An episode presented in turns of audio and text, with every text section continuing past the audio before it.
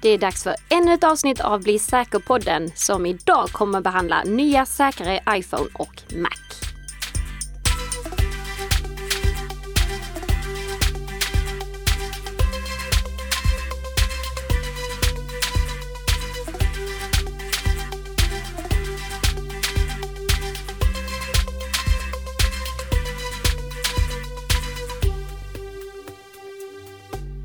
Hallå och god morgon Nika!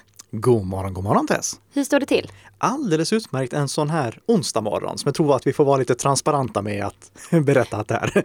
Ja, det är ju inte fredag Nej. än. För i, i, imorgon, det vill säga igår när ni lyssnade hör det här, då var det ju den här nationaldagen. Mm, Eh, Och då är vanligt folk lediga. Precis. Mm. Så vi hoppas att eh, ni har en skön dag helt enkelt imorgon. Ja, det blir en klämdag för många där också skulle jag tro. Mm. Och det, det, det är ju klämdagar är den bästa dagen att lyssna på och bli säker på den. Det är ju det. Och den här podden produceras ju i samarbete mellan Nicka Systems och Bredband2. Och eh, vi har ändå en del nyheter idag att beröra. Ja, det har vi. Ska vi bara hoppa in på det Nej. direkt? Nej. För jag eh, sa fel i förra avsnittet och skulle vilja korrigera det. Okej. Eh, det, det var, eh, då pratade vi om vilken den säkraste meddelandetjänsten är. Mm. Eh, och då sa jag bland annat att Hangouts eh, numera är nedlagt för konsumenter.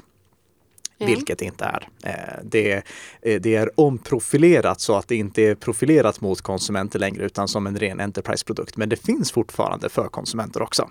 Mm. Så har vi fått eh, korrigerat det.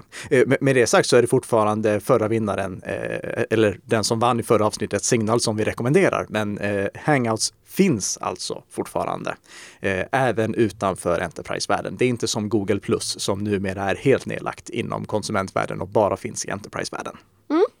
Ja men vad bra, då fick vi det sagt också. Mm. Ja. Ska vi gå in på veckans snabba? Ja, Ja. och då har vi först ett snabbt mejl som inleds så här.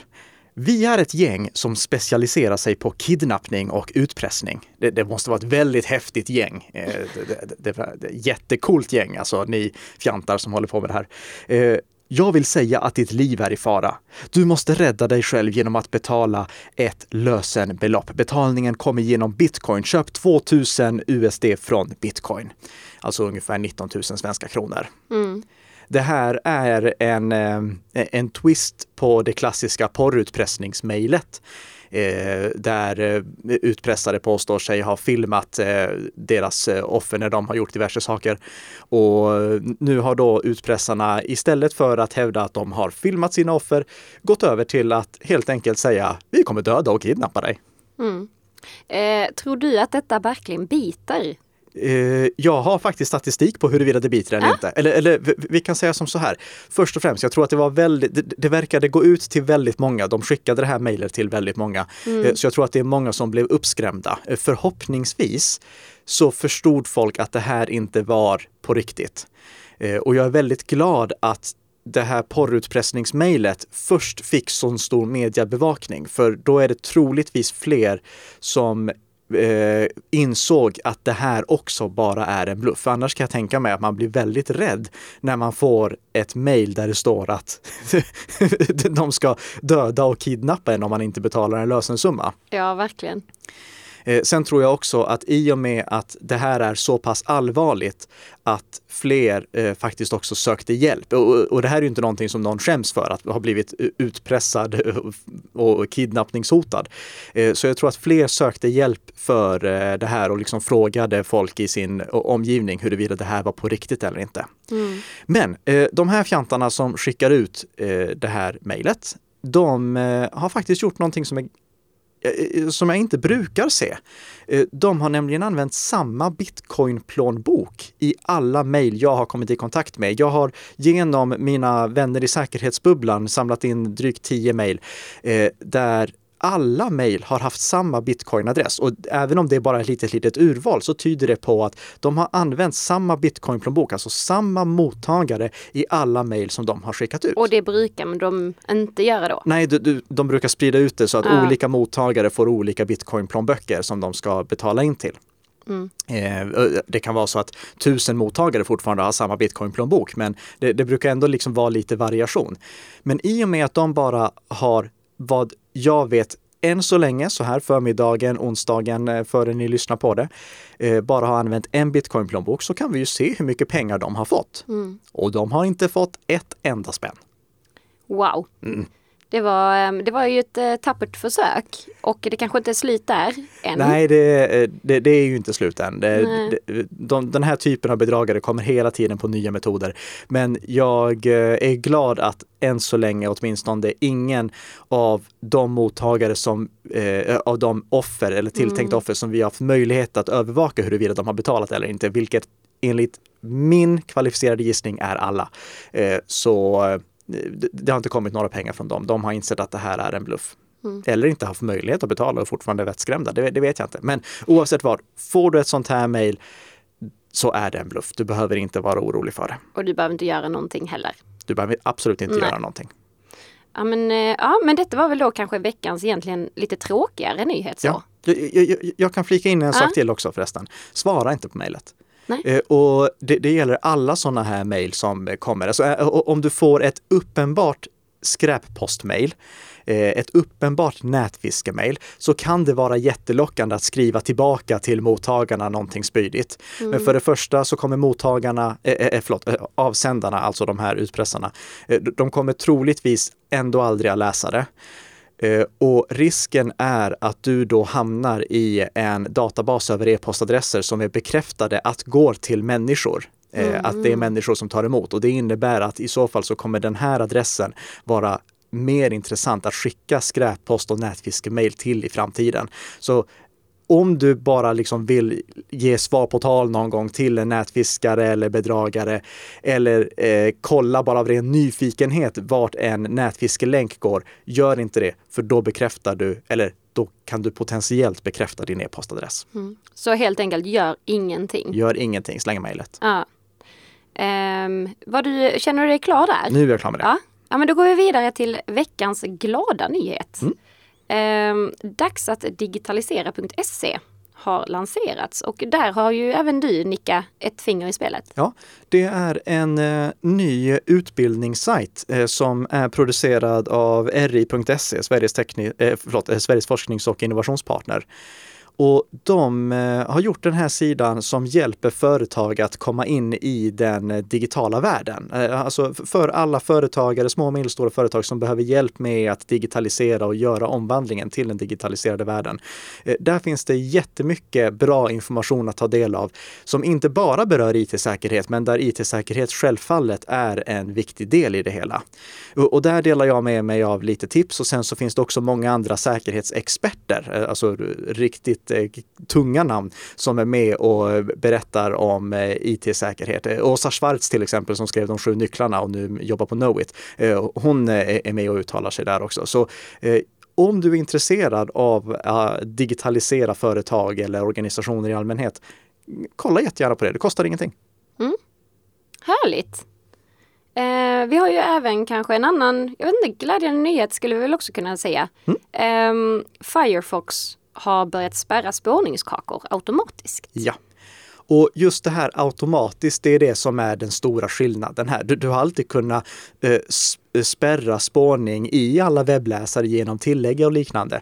Eh, men det som är speciellt nu, det är att om någon installerar Firefox på sin dator idag, Windows eller MacOS, så Eh, kommer Firefox att automatiskt spärra spårningsförsök. Alltså till exempel om eh, en webbsida har spårningskod från Facebook för att hjälpa till att bygga upp en Facebook-annonsprofil eh, så spärras de spårningskakorna och spårningsförsöken automatiskt. De som, i, i, i- grund och botten, vi kan säga som så här, för det första, kakor är ofarliga. Eh, Det är en väldigt vanlig myt att kakor skulle vara farliga. Nej, kakor är inte farliga. Eh, Cookies, eh, kakor på engelska, är en otroligt väsentlig del av hur internet fungerar. Till exempel, jag hade inte kunnat hålla dig inloggad på min lärplattform utan att använda cookies. Du hade inte kunnat ha kvar saker i din varukorg utan att använda cookies. Ja, det finns andra sätt som Om en webbutvecklare lyssnar på det här så kommer han eller hon inte att hålla med mig för det finns även en annan metod men det är samma princip som att använda cookies så det spelar ingen roll för slutanvändaren. Mm. Eh, Så cookies i sig är inget farligt, men cookies kan missbrukas för spårning. Och det kan missbrukas för sådan spårning som inte användaren vill att han eller hon ska utsättas för. Det är samma sak som om man kollar på Ikeas eh, fina utbud av köksknivar. Eh, och en IKEA-kökskniv är en fantastisk produkt för att laga mat med. Sen kan den också användas för att döda personer. Eh, och, och, kakor är lite samma sak. Det kan både användas för bra saker och det kan användas för dåliga saker. Det kan användas för festmiddagar och det kan användas för mycket tråkigare saker. Mm. Och kakor är gott också. Det, nu blev det off topic alltså. Nu blev det verkligen off topic. ja. Men det är kul. Ja, jag, jag, som blev sugen på kakor. ja, um, försöker dra ner på sockret och då blir det sådana här konsekvenser av det. Hur som helst. Uh, om en normal användare eh, Eh, installerar en webbläsare så vet han eller hon troligtvis inte överhuvudtaget vad det är för spårning som sker. Och spårning kan både ske av legitima skäl som användaren informeras om och av icke-legitima skäl som användaren definitivt inte informeras om. Och det är just för att spärra de här försöken mot att spåra användare som inte ens är medvetna om att de blir spårade det och inte blir informerad om det som jag tror att Firefox gör den här förändringen. Och genom att ha det aktiverat som standard, likt eh, Safari till exempel haft sedan tidigare, så kommer spårningen som sker obehörigt definitivt att minskas. Och om man som befintlig Firefox-användare vill aktivera det här själv så kan man göra det redan nu. Men annars så kommer det att aktiveras som standard inom några månader enligt ett blogginlägg från Mozilla som utvecklar Firefox. Mm. Så eh, jag får säga att det här är ett eh, bra steg framåt i eh, integriteten på nätet. Vi vet att just standardinställningen är otroligt avgörande för vilka saker, vilka olika funktioner som får genomslag. Och nu är eh, blockering av spårning aktiverat som standard i både Firefox och Safari. Mm. Härligt att höra. Um, en ny, eh, eller ännu en nyhet är ju då egentligen huvudämnet idag. Uh, och det är att Apples årliga utvecklarkonferens WWDC mm. har gått av stapeln och eh, ja, men det presenteras ju en väldans massa nyheter där. Det får man säga. Eh, och vi ska ju egentligen inte prata om Mac Pro som har fått sig en uppdatering. Och, eh, Äntligen! Som då liknas vid ett klassiskt rivjärn från Ikea. ja. Om vi ska spinna vidare på den. Mm. Um, och vi ska inte heller prata om dark mode som gör att telefonen får en svart bakgrund istället för en vit. Nej. Nej. Så vad ska vi prata om Nicka? Uh, jag vill ju jättegärna prata om de här. jag, jag, tyckte att det var uh, jätteroligt att, uh, bara för att snabbt kommentera innan vi går in på säkerhetsfronterna, ja. uh, säkerhetssakerna som är det vi ska diskutera, så får jag säga att uh, det var en väldigt bra utvecklarkonferens, Keynote i år. Utvecklarkonferensen pågår fortfarande när vi spelar in det här, men själva keynoten där de presenterade huvudsakerna, det var väldigt många spännande nyheter och jag är jätteglad att de uppdaterade Mac Pro för första gången sedan 2013. För att köpa en Mac Pro idag, innan den nya har lanserats, är rent vansinne och spilla pengar. Ja men det var väldigt bra. Mm. Och, och, sen så är jag jätteglad också att iPaden faktiskt får lite fler eh, funktioner som hör hemma i en dator. Nu, nu liksom kan jag snart använda min iPad som en riktig laptop på resan om jag inte behöver alla avancerade funktioner, vilket jag inte har kunnat göra tidigare. Eh, men om ni vill veta mer om det, eh, vi gör som så här, vi lägger med en länk till någon av de här sidorna som har klippt ner eh, VVDC keynoten eh, mm. till eh, en kvart eller något sånt. Om ni vill se nyheterna så fokuserar vi nu på de säkerhetsrelaterade delarna. Mm. Eh, och då har vi först och främst en väldigt eh, snabb och enkel sak, eh, både i hur lång tid det tar att gå igenom den och i vad det handlar om. Upp till 30% snabbare Face ID. Ja. Mm, grattis alla som har en iPhone eller iPad med Face ID. Nu kommer det gå ännu snabbare. Yay. Och när Apple säger det så är jag övertygad om att de gör det utan att eh, tumma på säkerheten. För vi har ju tidigare sett exempel på ansiktsigenkänning som har varit jättesnabb. Men det har varit för att den har släppt in i princip vad som helst, till och med ett foto på ägaren. Eh, mm. Så jag är övertygad om att när de nu har snabbat upp det så är det inte på bekostnad av säkerheten. Det är ju ändå skönt. Ja. Eh, sen så är det en väldigt bra ny funktion just med, med tanke på spårning, men en annan typ av spårning, nämligen spårning av var vi befinner oss i världen. Eh, tidigare i iOS så har vi ju kunnat välja mellan att eh, ge en app tillgång till vår positionsdata alltid, endast när appen används eller aldrig. Men nu kommer vi också kunna ge den tillgång till vår positionsdata en gång Alltså att vi bara säger, ja, jag vill ge den här appen tillgång till min positionsdata en gång istället för att den inställningen sparas och ligger i bakgrunden hela tiden eller lever kvar för all evig framtid. Så nästa gång du då öppnar appen får du en liknande fråga? Precis, jag ah. kan också få en notifikation när appen använder min eh, eh positionsdata. Eh, ungefär så som vi såg att också kommer komma i nästa version av Android och Android Q som det kallas. Vi pratade om det i avsnittet som vi gjorde eh, på precis samma sätt efter eh, Googles eh, utvecklarkonferens. Mm. Men det här är någonting som jag tycker är fantastiskt bra. Vi, eh, I och med att många appar missbrukar positionsdatan, alltså de kanske är öppna med att de använder positionsdatan, men vem läser de här användarvillkoren? Så jättebra att den här nya funktionen kommer in. Eh, det ser vi inte minst med tanke på den uppföljning som eh, Linus Larsson och Kristoffer Örstadius på Dagens Nyheter gjorde nu i veckan. Det var de som tidigare gjorde den här granskningen av eh, positionsdata och hur den läcker som vi pratade om för några poddar sedan. Nu har de konstaterat att de genom en sån här databas som man kan köpa tillgång till kunde spåra exakt var en av våra riksdagsledamöter, Bo Broman, befann sig. Så de kunde tracka honom och liksom följa alla möten som han hade och var han befann sig. Läs mm. jättegärna den artikeln. Vi lägger med en länk till den i våra show notes också såklart.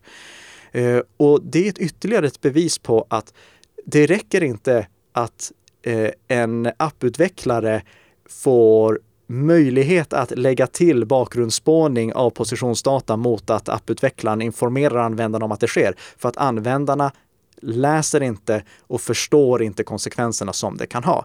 Så vi måste liksom få bättre metoder att hantera positionsdatan. I och med att vi alltid har med oss mobilen så måste vi också ha ett säkert sätt att begränsa vilka appar som har tillgång till vår positionsdata och det här är ett steg i rätt riktning. Mm, verkligen. Och med det sagt så skulle jag också vilja rekommendera alla att återigen öppna inställningarna i er eh, mobiltelefon oavsett om ni kör iOS eller Android och se över listan över vilka appar som som har tillgång till er position så att inte det finns massa appar där som inte behöver den egentligen och potentiellt säljer den till den här typen av databaser som aggregerar positionsdata och säljer vidare det till allt från Dagens Nyheter till um, organisationer som du inte vill att ska ha tillgång till den.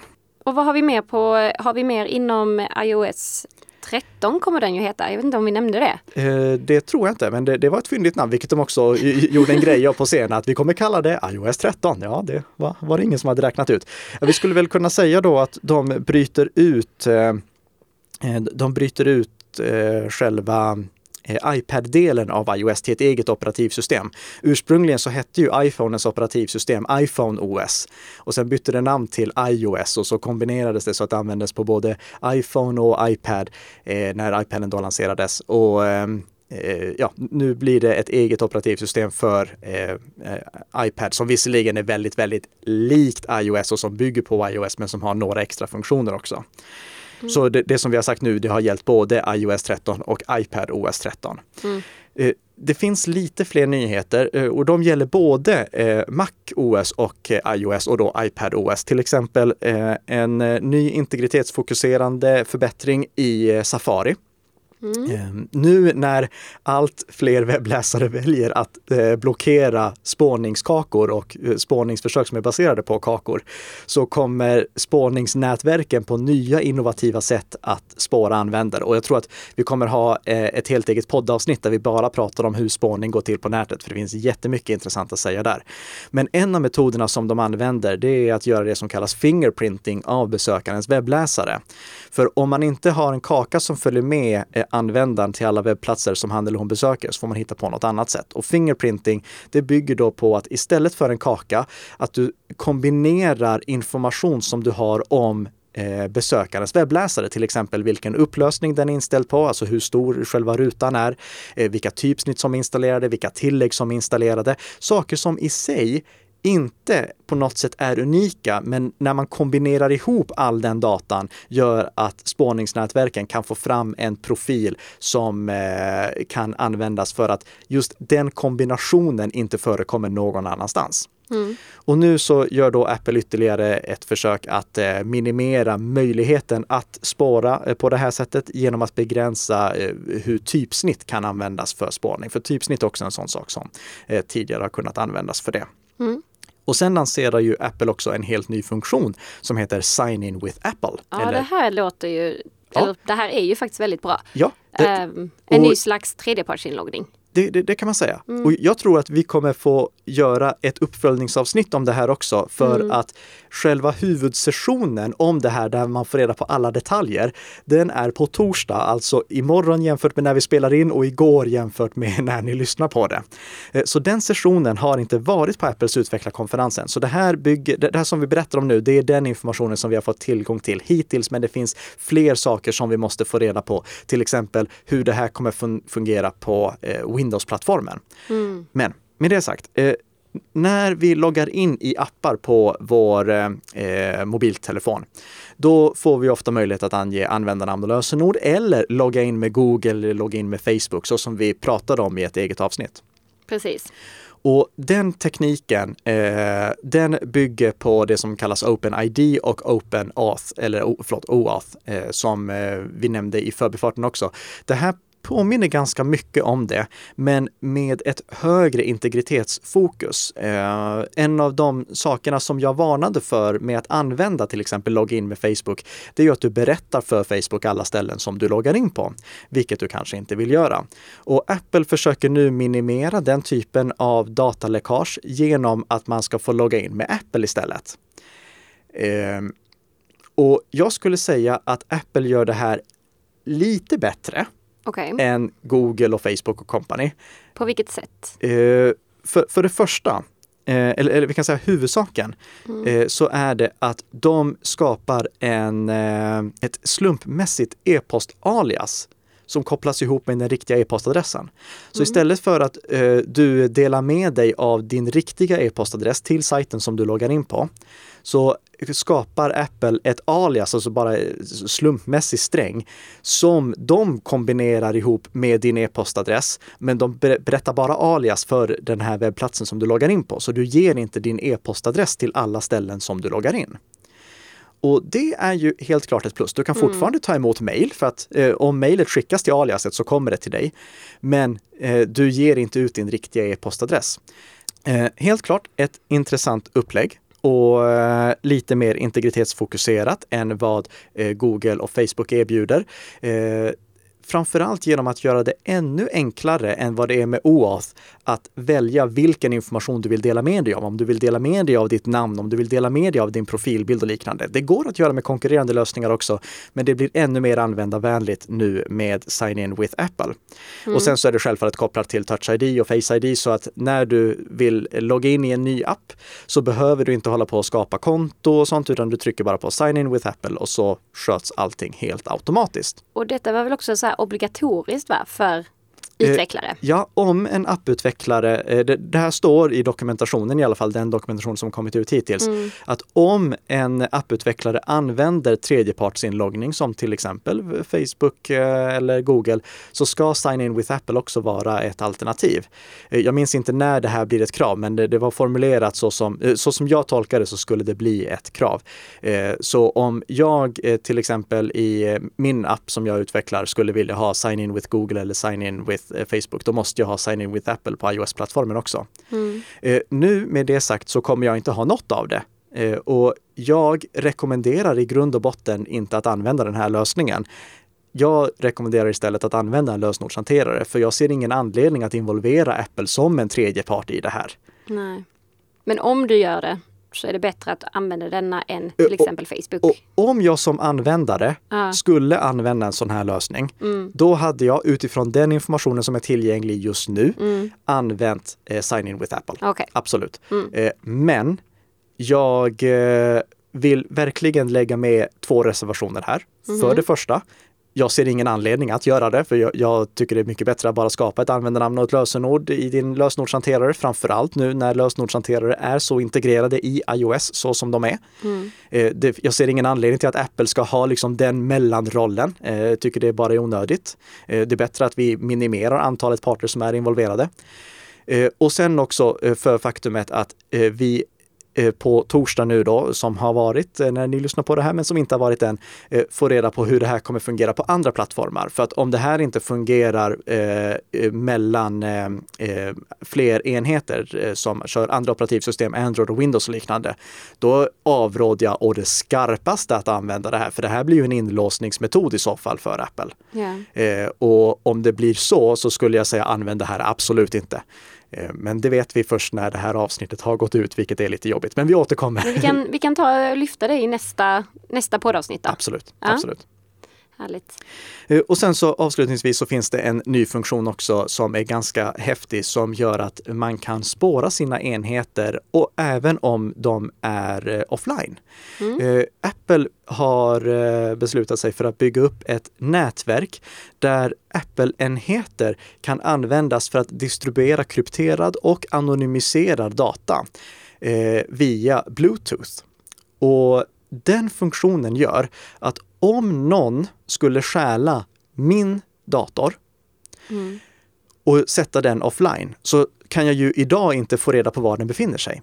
Men genom den här nya funktionen som kommer så kommer min dator att kunna skicka eh, via Bluetooth en liten, liten eh, anonymiserad och krypterad eh, ett litet paket med information eh, via andra iPhones och iPads i närheten som i sin tur är uppkopplade mot nätet och därigenom kan avslöja för mig var min dator befinner, mig, äh, befinner sig. Så äh, de som hjälper till att skicka vidare den här datan, de kan inte se att eh, de skickar vidare den här datan och jag kan inte se vem det är som har skickat vidare datan åt mig. Men det gör att om en Apple-produkt stjäls och sätts offline så att den inte kan ladda upp till iCloud var den befinner sig, då kan ändå den via Bluetooth och andras Apple-enheter signalera var den är i världen så att man lättare ska kunna spåra den. Mm. Och sen är ju min dator också utrustad med Apples T2-chip, vilket är det nya säkerhetschippet som sitter i de senast släppta eh, Macbookarna och iMacen eh, och Mac Pro. Eh, och det är en liten extra processor som är helt utvecklad av Apple och är i Apples kontroll. Och den gör att om min dator blir stulen så kan jag låsa den så att den blir oanvändbar för en, eh, för en, för en tjuv. Det spelar ingen roll om tjuven försöker formatera datorn eller inte. Den går fortfarande inte att använda förrän jag låser upp den igen. Mm, det, det, är liksom en bonusfunktion för att inte bara göra enheten säkrare eh, utan också göra, eh, eller göra datorn säkrare, utan också för att göra datorn mindre stöldbegärlig när det här har spridit sig och blivit allmänt kännedom bland skurkar.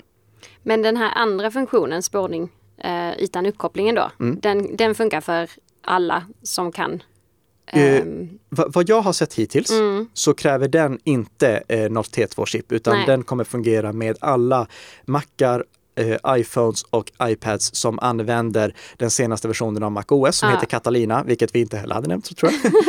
eh, eller iOS 13 eller iPad OS 13. Mm. Okej. Okay. Eh, ja, har vi någonting mer här som du vill lyfta? Eller ska vi gå in på veckans lyssnarfråga? Jag eh, tror att det var allt vi hade för eh, veckans lyssnarfråga, som är en jätteintressant. Mm. Den hinner vi inte gå igenom på tiden som är kvar. Nej, nej men då får vi ta det nästa vecka. Ja. Så det blev ingen veckans lyssnarfråga den här gången, men vi kommer att ta upp den. Så till dig som jag lovade att ta upp, den kommer nästa vecka då istället. Och fortsätt jättegärna skicka in veckans lyssnarfrågor också, för om ni får med er fråga som veckans lyssnarfråga så kommer ja, du som skickar in den att få bli säkerboken som tack. Mm. Eh, och veckans lyssnarfråga kan man ju skicka in på alla möjliga sätt som finns. Absolut, Till i alla sociala kanaler. Sociala kanaler eller signal, signal eh, eller kommentarsfält. Mm. Så det, vi övervakar allting och sammanställer i Trello. Mm. Yes. Ehm, tack så jättemycket för att ni har lyssnat den här veckan och eh, på återhörande nästa vecka när vi är tillbaka med ett nytt avsnitt av Bli säker som gör dig lite säkrare för varje vecka som går med Nicka Systems och Bredband2 och bakom mickarna som vanligt Karl med Nicka och hon som är född i eten. Tess Hamark, va? Ja, som nu ska ha en riktigt trevlig helg hoppas jag. Ja, det ska du med. Bra. Och till alla våra lyssnare, trevlig helg!